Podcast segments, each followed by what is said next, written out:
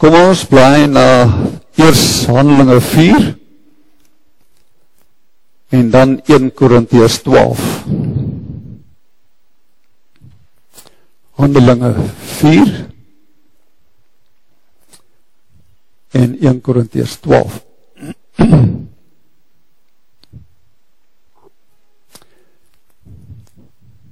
Here ons bely dat u woord die ewige standhoudende woord is. En dat ons ons totale ganse lewe verlaat op u woord en op die waarheid daarvan. Dankie dat u woord ons nog nooit in die steek gelaat het nie. Dankie dat u woord geld vir tyd en ewigheid. En dat alles wat ons wil weet van hierdie lewe oor ons eie lewens, oor ander se lewens in die woord opgesluit is. Dankie Here vir u goedheid, dankie vir u sorg. Dankie vir u beskerming. Dankie vir soveel seëninge wat elke dag oor ons pad kom. Here, as ons nou u woord lees, daaroor nadink, bid ons dat u deur u Heilige Gees met ons sal praat, dat ons u woord sal verstaan. En dat ons dit in ons harte sal dra. Ons bid dit in Jesus se naam. Amen.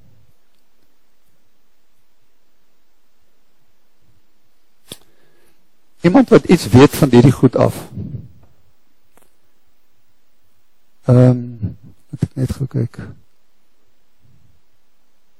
OK, lyk vir my lyk vir my neem op. Right, Handelinge 4 vers 23. Nadat Petrus en Johannes losgelaat is, het hulle na hulle medegelowiges toe gegaan en hulle vertel wat die priesterhoofde en die familiehoofde alles vir hulle gesê het. Toe hulle dit hoor, het hulle almal saam tot God gebid en gesê: Here, dit is U wat die hemel en die aarde en die see en alles wat daar is gemaak het. En U het deur die Heilige Gees by monde van ons voorvader Dawid, U dienaar, gesê: Waarom het hy die nasies te kere gegaan en het volke sinlose planne beraam? Die konings van die aarde het in opstand gekom en die heersers het saamgespan teen die Here en teen sy gesalfde. Dit is wat werklik in hierdie stad gebeur het. Net 'n bietjie op hier nou die volgende vers. Hy sê dis werklik wat in hierdie stad gebeur het. Herodes en Pontius Pilatus het met heidene nasies en die volk Israel saamgespan teen u heilige dienaar Jesus wat deur u gesalf is. Normaalweg uh die volk Israel, dis nou die Jode, normaalweg wil hulle niks te doen hê met Herodes of Pontius Pilatus of die heidene nasies nie hulle hulle praat nie met hulle nie, hulle meng nie met hulle nie. Maar toe hulle saamkom rondom Jesus, toe span hulle saam. Is dit nie? Wonderbaarlik nie, dat hulle toe nou besluit hulle is skielik is hierdie ons goed genoeg. Vers 28 en hulle het alles gedoen wat u vooruit beskik en besluit het. En nou Here, Kyk hoe dreig hulle ons gee dat u dienaars met volle vrymoedigheid u woord sal verkondig. Let bietjie op. Dat u dienaars met volle vrymoedigheid u woord sal verkondig. Die woord, die verkondiging van die woord was altyd primêr van daai tyd af tot nou toe. Laat u hand genesing bring en laat daar tekens en wonders plaasvind deur die naam van die heilige dienaar Jesus. Ek sal net nou daaroor praat. Nadat hulle gebid het, het die plek waar hulle bymekaar was geskit. Hulle is almal met die Heilige Gees vervul en het met vrymoedigheid die woord van God verkondig. Die eerste ding wat jy doen as jy met die Heilige Gees vervul is, jy verkondig die woord van God. Eerste ding. Goed, 1 Korintiërs 12. Ek gaan daar lees van vers 4 af. Daar is 'n verskeidenheid van genadegawes, maar dit is dieselfde Gees wat dit gee. Daar is 'n verskeidenheid van bedieninge, maar dit is dieselfde Here wat die opdrag gee. Daar is 'n verskeidenheid van kragtige werkinge, maar dit is dieselfde God wat alles en almal tot stand bring. Aan elkeen afsonderlik word 'n werking van die Gees gegee tot voordeel van almal. Aan een word deur die Gees 'n gawe gegee om 'n woord van wysheid te praat 'n ander woord van kennis deur dieselfde gees. aan die een geloof deur dieselfde gees en 'n ander genadegawes van gesondmaking deur die een gees. Aan die een gee hy die krag om wonders te doen, aan die ander die gawe om God se boodskap te verkondig en aan nog 'n ander die gawe om tussen die geeste te onderskei. Aan nog een gee die gawe om ongewone tale of klanke te gebruik en aan 'n ander om dit uit te lê. Maar al hierdie dinge is die werk van een en dieselfde gees wat aan elkeen afsonderlik 'n gawe uitdeel soos hy wil. Lees net tot daar.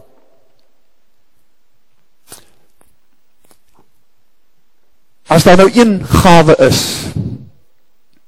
of sogenaamde gawe van die gees wat in hierdie tyd, dis maar my persoonlike mening, gruwelik misvorm is,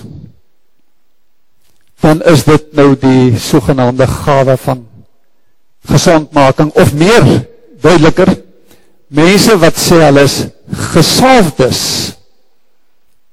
En omdat hulle gesalfd is, is as hulle bid vir mense, dan word hulle genees.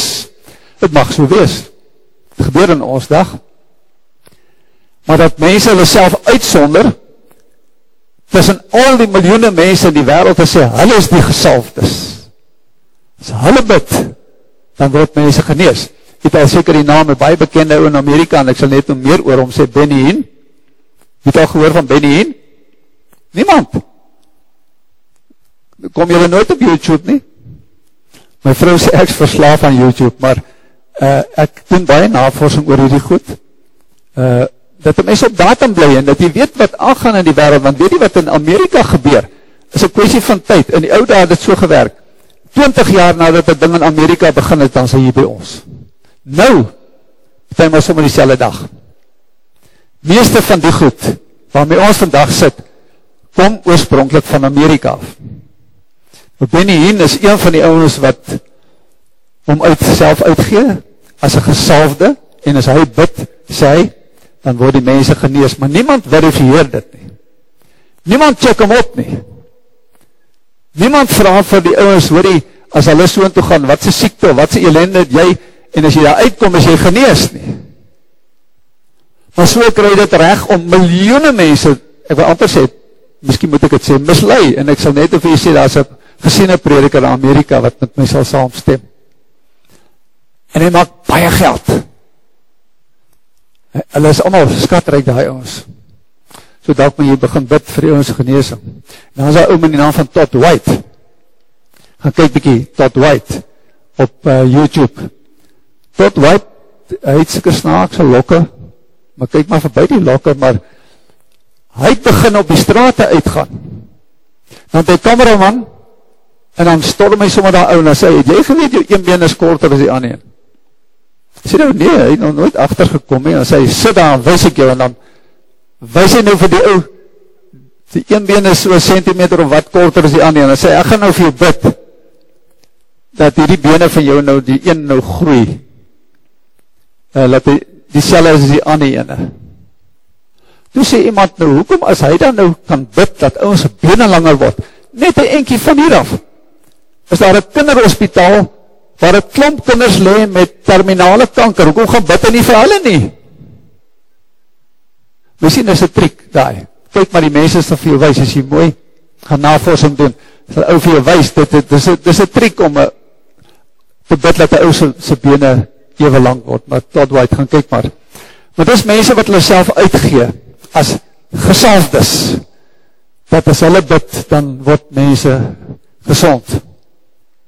Die mense stroom na hulle dienste toe.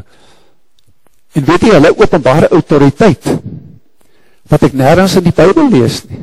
Weet ons wat sy autoriteit? As jy praat, jy praat met autoriteit, as jy bid, bid jy met autoriteit. Hulle het autoriteit wat ek nie weet waar hulle kry nie. Uh, natuurlijk het die apostels autoriteit gehad, natuurlijk het die Heere vir ons ook autoriteit gegeen, wanneer ons bid, Maar vergelijk nou die volgende, handelinge 3. Petrus en Johannes is op pad naar die tempel toe, en hier is een man langs die pad, wat uh, al van sy geboorte af verlam is, en hulle gaan staan by hom, en die man kyk op, hy dog, want hulle het het so gewerk in die dag, uh, daar was nie sociale of uh, speciale dienste om te kyk na sikke mense nie. Uh, jy het maar, jou, mense het jou daar aan die pad gesit en dan jy nou maar gebedel vir die mense wat voorbij stap en dis hoe jy nou geld gekryd om jouself te onderhou. Waar van dit gebeur nou weer in ons dag. Hy daar langs die pad gesit en Petrus en Johannes stap daar voorbij. Toe kyk hy op na hulle toe en hy verwacht nou hy gaan geld kry by hulle. En hoor wat sê Petrus? Hy sê, geld het ek nie. Maar wat ek het, gee ek vir jou in die naam van Jezus Christus van Nazareth staan op en loop. Staan nie op. Nou is genees. Vergelijk dit nou met die volgende dame, dit was een inskrywing op Facebook, ek is nie op Facebook nie, ek het het by iemand anders gekry, was op Facebook, maar ek my te bezig gehou. Is ek af. Uh, ek gaan nie ou sy naam noem, maar ek het niks teen hierdie ouwe, sy naam is Neil de Beer, hy is die stichter van die United Independent Movement, over 30 jaar by Onkonto Wesiso was, en toe daar uit is, en intussen tot bekering gekom het, hy dien die Heere nou, en hy het siek geword in die hospitaal beland, ek weet nie precies wat om bekeerd nie, ek weet ook nie wat sy toestand nou is nie, maar hierdie vrou het die volgende inskrywing op Facebook gemaakt. Sy sê, I declare your supernatural health. God is raising you up to complete complete the work he has started in you. No weapon formed against you shall prosper. You are healed, Neil de Beer. Hoe vergelijk dit nou met die apostels? Jy sê nie, I declare nie. Jy sê nie vir ou, you are healed nie. Met wat er gesag sê mens dit? As Petrus en Johannes, wat apostels van die Heere was, net gesê in die naam van Jezus Christus van Nazareth. En ek is net of jy verduidelik, hoekom dit gebeur het in die tyd ook. Dit lyk amper asof hierdie mense tussen die sieke en God kom staan. Asof hulle met, asof hulle hulle self voordoen as God. Om te sê, I declare. Waar kom ons daar? Staan ergens in die Bijbel nie jare gelede, ek het net nog gepraat van uh, Benny Hinn, jare gelede het uh, baie bekende prediker van Amerika, Dr. John MacArthur, jy kan maar na sy preke luister, is baie suiver, hy is van die Baptiste kerk in, in uh, Amerika, die Grace Community Church, sy kerk. Hy is al diep in die 70 en hy preek nog elke sondag. Hy het dit gewaag, om vir Benny Hien aan te vat en vir hom te sê, jy mislui mense en jy word nog skatryk ook daar uit. Nou, al, al die die predikers, daar word televisieopnames van hulle gemaakt en hulle saai dit uit op televisiestaties. En toe sien Benny Hien dit, die ding wat hy, wat John MacArthur gesê het, Dr. John MacArthur.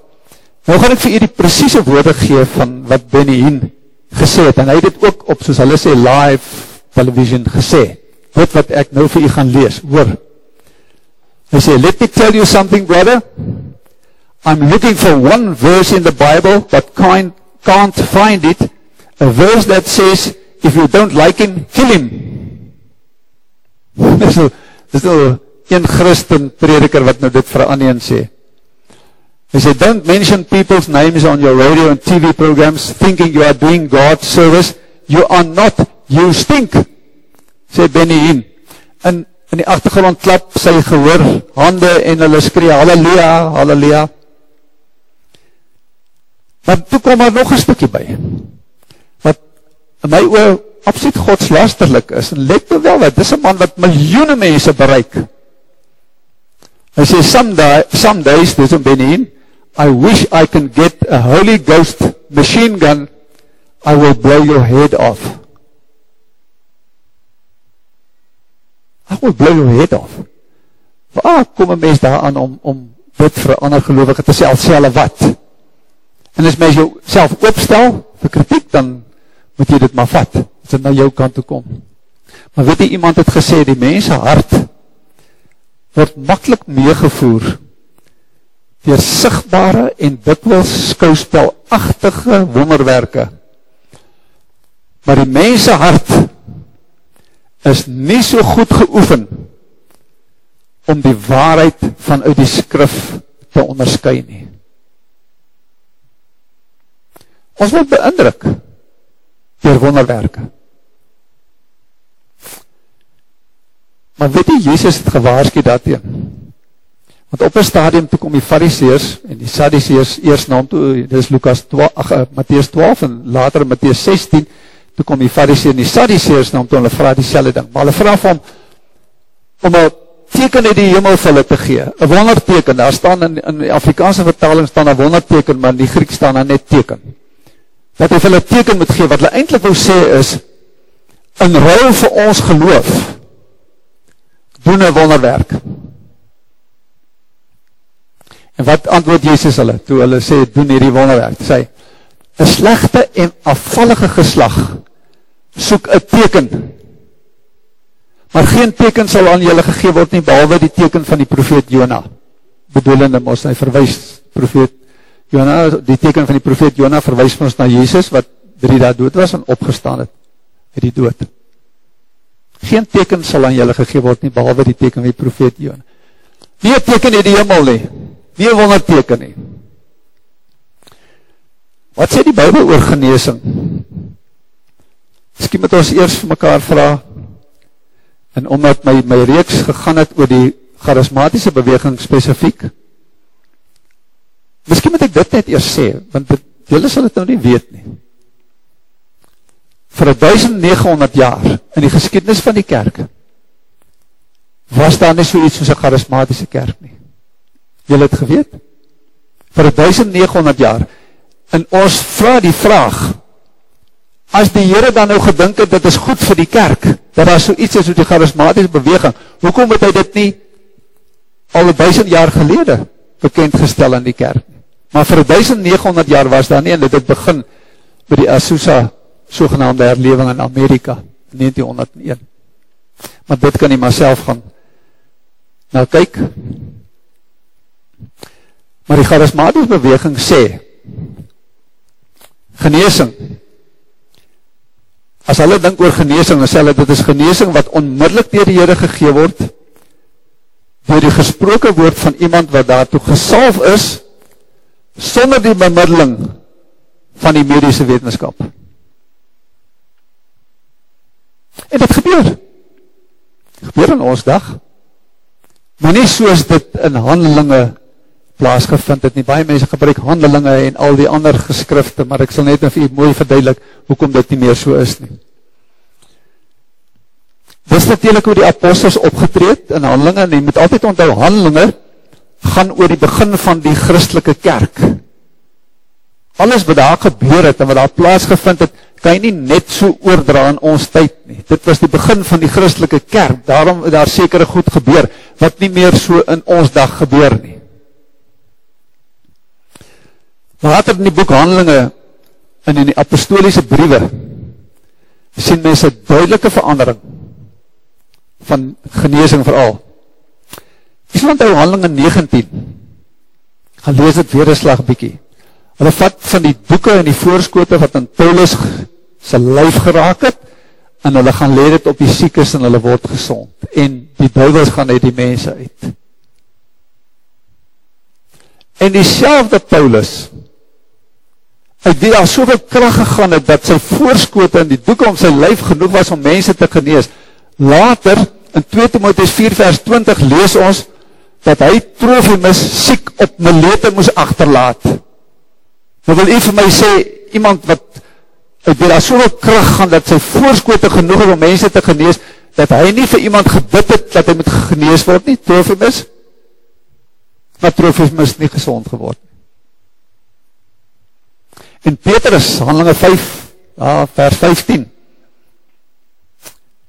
sê hulle, hulle die mense uitgesleep op die sypaaikies, so dat as Petrus daar voorbij loop, net sy skade weer op hulle kan val. Hy sê nie of hulle genees is nie, dit staan nie daar nie, maar dat sy skade weer net op hulle, en waarschijnlijk is die mense genees, vir net Petrus sy skade weer, wat absolute wonderwerk is, maar dit word nie noodwendig herhaal nie. Later hoor jy niks van dat Petrus iets sê oor genesing nie, behalwe dat hy skryf in 1 Petrus die eerste hoofdstuk oor dat wat die rol van leiding in een christense leven moet wees. Hoekom ons lei, hoekom ons zwaar krijg, hoekom ons siektes en al die ellendes en die goedheid. Maar in 1 Timotheus 5 vers 23 raai Paulus vir die jong Timotheus aan om, let wel, een bykie wijn vir die maag en herhaalde ongesteldhede te gebruik. Die klem val op die bykie wijn hoor. Ek het vir die sê, toe ek al oorgepreek het, die klem, let wel, die klem, die bykie wijn. So jy jou nightcap en nou vat, vat net een bykie. Maar kan die Timotheus het herhaalde ongesteldhede gehad. Weet nie wat het was nie, daar het hy maar een bykie spanninge goed geleid. Maar Paulus kon vol gebid het. Hoekom, hoekom het hy nie gezond geword nie?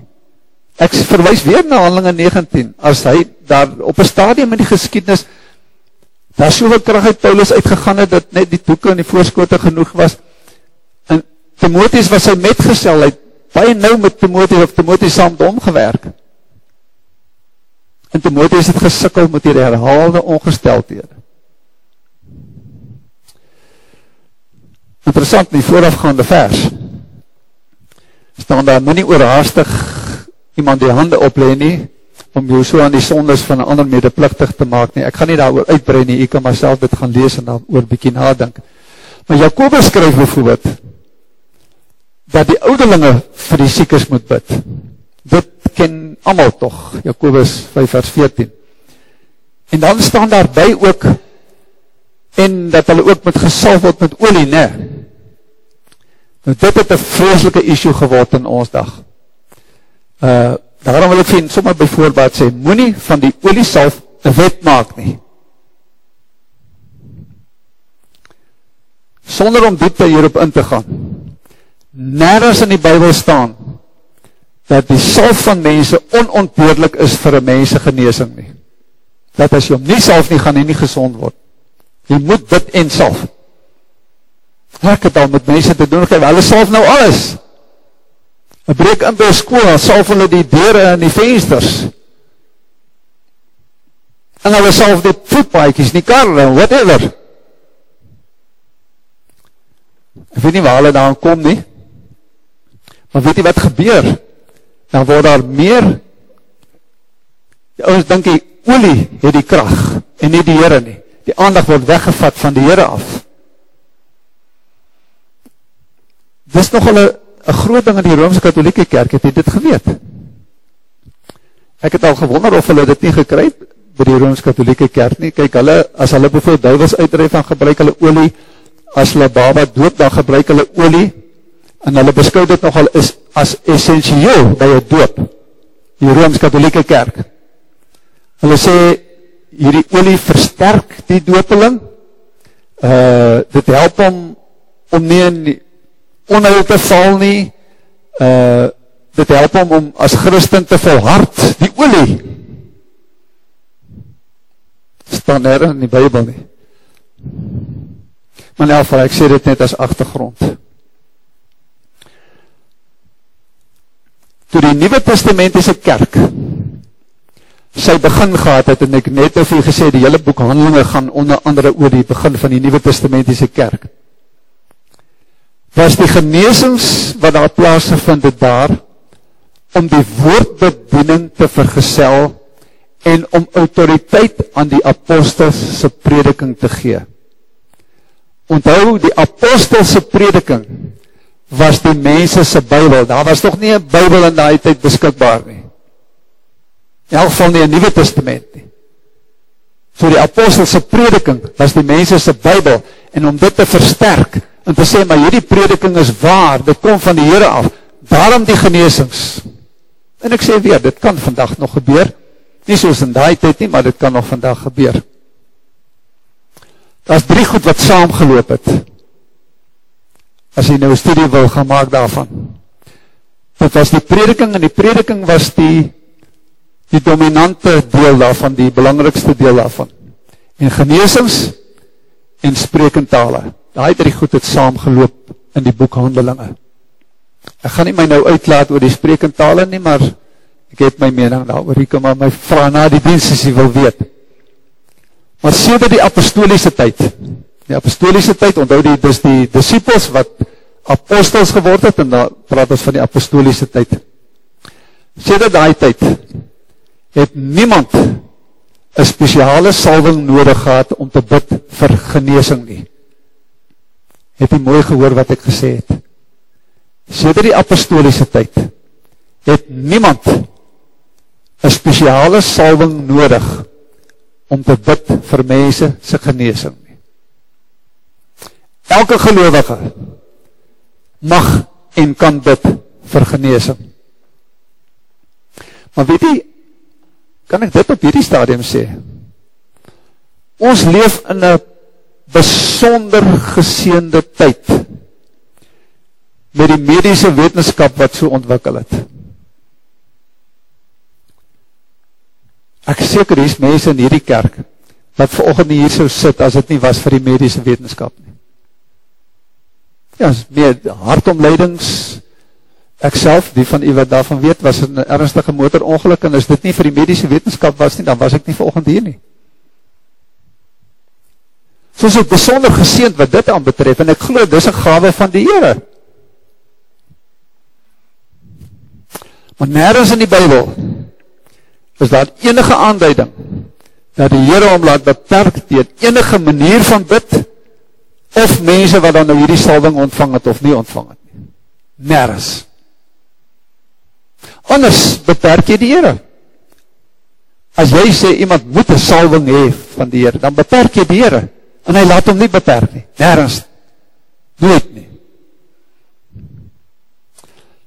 En dan sê mense, verwys hulle altyd terug na wat Jesus gedoen het, omdat Jesus dit gedoen het, moet ek dit ook doen. Uh, dan sê ek altyd hulle, hoorie, maar dan moet jy die hele pad stap. Moet alles doen wat hy gedoen het. Sandale aantrek, en voetslaan, en evangelie verkondig, en die einde met jou laat kruisig, en al die goed. Moet nie net sekere goed uithaal nie. Van Jesus' leven nie. Onthou die geneesings wat Jesus tydens sy aardse bediening verrig het, was tekens waardeur hy mense laat sien het wie hy is en hoe die komende ewige koninkryk gaan lyk. Dis ook om hy geneesings gedoen het. Toe die mense kan sien, hy is die Messias. Messias gaan nie nog eendag kom nie, hy het gekom. En hy het dikwels gesê, die koninkryk van God het nabij gekom. Dis hoekom hy die genesings gedoen het. En daarby het hy ook daarmee gesê deur die genesings in hierdie komende volmaakte koninkryk wat gaan kom, gaan daar nie siektes en sondes en demone en lyding en al die goed wees nie. Dis wat hy vir die mense wou sê. Dan wil ek vandag vir u net vyf goed gee, vyf kenmerke van Jesus se genesings. Hoe hy dit gedoen het as mense dan nou sê, hulle wil het soos hy doen, dit was ongeorganiseerd en spontaan. En kyk in Matthäus 9 vers 27, die twee blindes. Dit was een onmiddellike en volledige geneesing. Soos ek bid in die naam van Jezus, dat iemand moet genees word, dan is dit nie een proces nie, dit is een onmiddellike geneesing, as hy genees. Johannes 11, ek kan dit gaan lees in Johannes 11, Dit het soms van oor afstand geskiet, sy geneesing, die officierse slaaf, Lukas 7, vers 10. Uh, sy geneesing het sonder reklame of shows plaasgevind.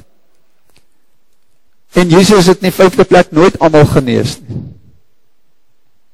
Toe hy in Nazareth was, het hy ook net sekere mense genees, en toe hy daar by die bad van Bethesda kom, het hy net die man genees wat al 38 jaar lang siek was. En daar was heel wat sieke mense daarom. Hoekom het hy nie allemaal genees nie? Net die een. Dan wil ek iets aanraak wat eindelijk nie deel is van die boodskap nie, maar ek, ek dink ek moet die net daarop attent maak. Want ek doen redelijk lang al navorsing oor hierdie aspek. En uh, dit mag dat een dag op ons val in hierdie land, En dan wonder ons waar kom het vandaan. Want het krijg so ongesiens momentum in die hele wereld. Dit is die kwestie van genade dood of euthanasie. Jy weet maar so werk dit, as, as jy nou, sê nou maar jy bly in Amerika of jy by ons, en jy krijg terminale siekte, en jy sien die kans vir die laaste periode van die, die siekte nie, dan ga jy na kliniek toe, en ek dink is in Switserland, en dan uh, teken jy sekere vorms daar so, en jy sê vir hulle, jy wil jou dood verhaas, en dan geef jy een middel om te drink, wat jou eerst laat ontspan, en dan geef jy nog een middel, wat jou, denk jou hart laat gaan staan, en dan sterf jy. Dis genade dood, daar is nou al vijf, in Amerika is het glad nie toegelaat tot onlangs toe nie, daar is nou al vijf state wat het toelaat. In ander dele van die wereld is het al so ver, dat 13-jarige kinders kan besluit, nie hulle ouwers nie, hulle kan self besluit, ek sien nou nie meer kans vir die siekte voor en toe nie. In ons land, die ouwe wat het nogal redelijk drijf, sy naam J.P. Landman, hy is die geweese man van Roda Landman, wat die televisie sal onthou, ek en hy was saam op Stellenbos, hy het my nie geken nie, maar ek het hom geken, hy was so paar jaar voor my, docent daar by filosofie, as ek recht onthou. Hy is een van die ouwens wat het promoveer in ons land, en sê maar, ons moet mense toelaat, net soos ons vrouwens toelaat, om te besluit oor abortie, moet ons mense laat besluit, oor wanneer hulle hulle levens wil laat beëindig. Maar weet jy wat was my die skokkendste van die hele ding, en hoekom ek het te baarde bring? En ek gaan een geval uitlig, jong vroukie het een brein gewas, en die dokter sê vir haar, uh, daar is niks wat hulle vir haar kan doen nie, uh, sy moet maar haar goed in orde gaan kry. Toe vraag sy vir hulle, hoe lang het sy om te leef? Toe sê hulle vir haar, waarschijnlijk tussen 6 en 9 maanden. Weet jy, nie een van hulle, sy intluis, het ooit iets gepraat van, weet jy, die Heer het my hierdie genade tyd gegee, ek moet een paar dinge recht maak, ek moet dalk gaan recht maak met mense, teen wie ek iets het, en uh, ek moet dalk uh, my leven met die Heer self recht maak, en, en gereed maak vir die dood, nie een van hulle nie. Meeste van hulle het een bucket list. Weet ons wat is een bucket list? Voor ek dood gaan, wil ek hierdie klomp goed gaan doen. En die jong damekie, sy was maar 32, het dit gedoen. Een bucket list, deurgewerk, en toe sy huis toe, en alle vriende en familie by mekaar gemaakt, en sy rijd, ek is nou gereed om te gaan, en toe sy oor Switserland toe, haar eie leven geneem. Dit is genade dood, en dit is wees om te kom in ons land. Mense wat so gaande weg gereed gemaakt daarvoor. Die leven dood is in die hand van die Heer, nie in ons hande nie. Ons moet verstaan dat siekte, wat siekte aanbetref, sê die Bijbel, dat sowel gezondheid as siekte uit die hand van die Heere kom, En dit kom nie dier die duivel nie. Omdat die duivel nie een type God is nie. Die duivel kan niks aan een gelovige doen as die Heere dit nie om toelaat nie. Dit is dan baie duidelik in Job. Die duivel moest die Heere sy toestemming kry. En onthou, ek sê weer, die, die, die duivel is nie een type God nie. Soms vind geneesingsplaas in antwoord op geloofsvertrouwe. Want die mense sal sê, jy moet net genoeg geloof hee, geloof moet net sterk genoeg wees, dan sal die Heer jou genees, of dan sal hy dit of dat doen. Soms vraag die Heer geloofsvertrouwe, soos in Matthäus 9 vers 2 en Matthäus 15, 28. Maar soms genees die Heer waar daar nie eers sprake is van geloof nie. Het hy genees, waar daar nie eers sprake was van geloof nie soos die duivelbeseetnis, wat nie eers iets met die Heere te doen wil gehad het nie, en die Heere het hulle in elk geval genees, as ook die skares van Matthäus 4 vers 24.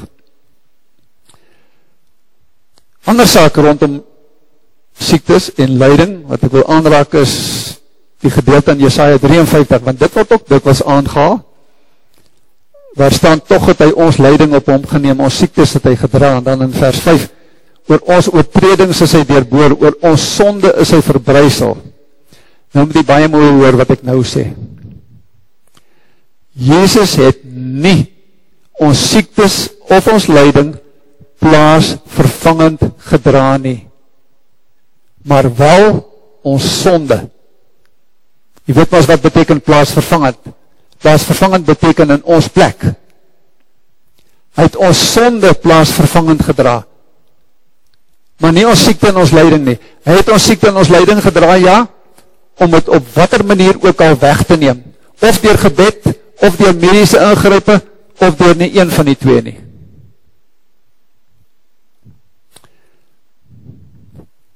En weet die gelovig is hoef nie noodwendig gezond te wees nie. Weet as mense wat ook sê, as jy kind van die Heere is, behoort jy nie siek te wees nie.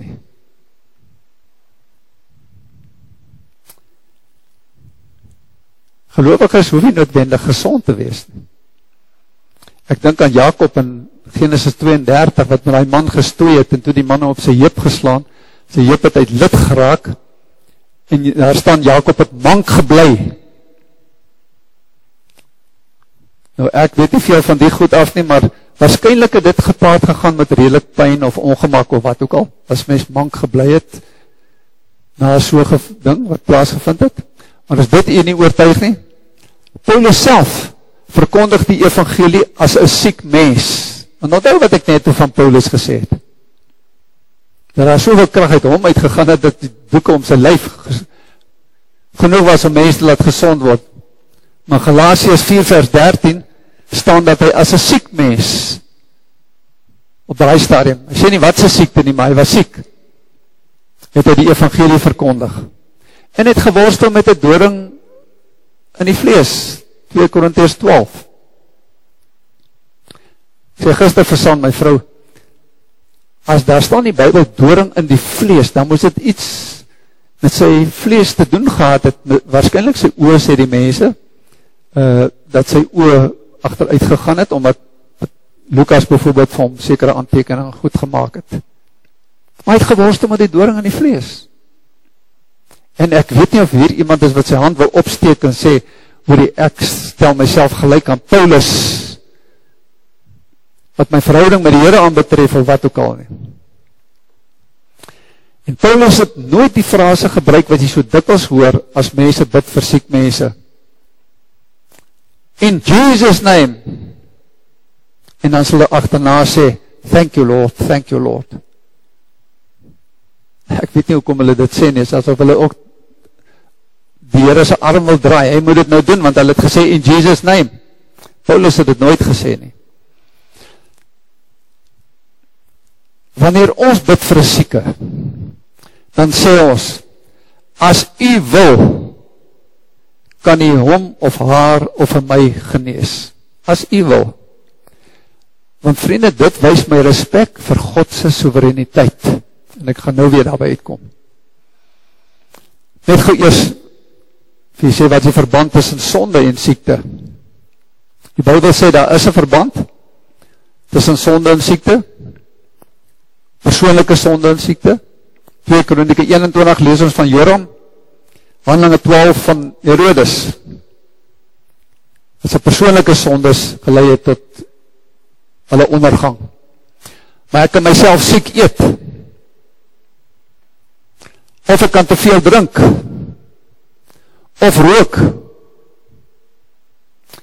of ek kan myself dood worry oor dinge. En die Bijbel sê dit is sonde. Lees gerust ook Psalm 32 van vers 3 tot 5. Ek en jy het een grens vir ons gebede wanneer ons bid vir geneesing. Daar is een grens. En die grens is God sy soevereine wil.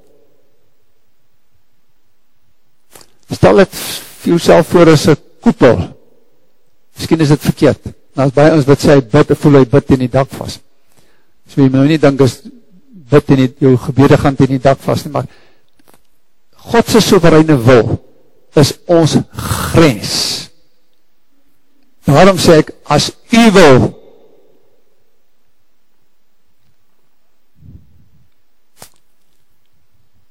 dit beteken nie my geloof is te swak, of ek vertrouw nie die Heere nie.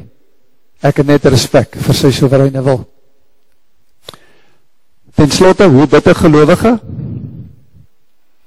geweldig gebid in die vaste geloof, dat net een woord van die Heere genoeg is om te genees, maar ek onderwerp my ten volle aan sy soevereine wil. En daarmee saam onthou ek, dat Jezus saam met my die pad sal stap, totdat ek door sy genade en die volmaaktheid opgeneem sal word. Amen, kom ons dank. Hemelse Vader, ons buig onder u gesag. Dankie Heere dat u al soveel keer u self aan ons levens bewys het dat hy soveel keer al ons eie nood verlig het. Help ons Heere om in hierdie dag waarin ons leef nuchter te wees en te kan onderskui wat die waarheid van die woord is. Lei u vir ons asjeblief dier hierdie dag, ons bid het in Jesus' naam. Amen.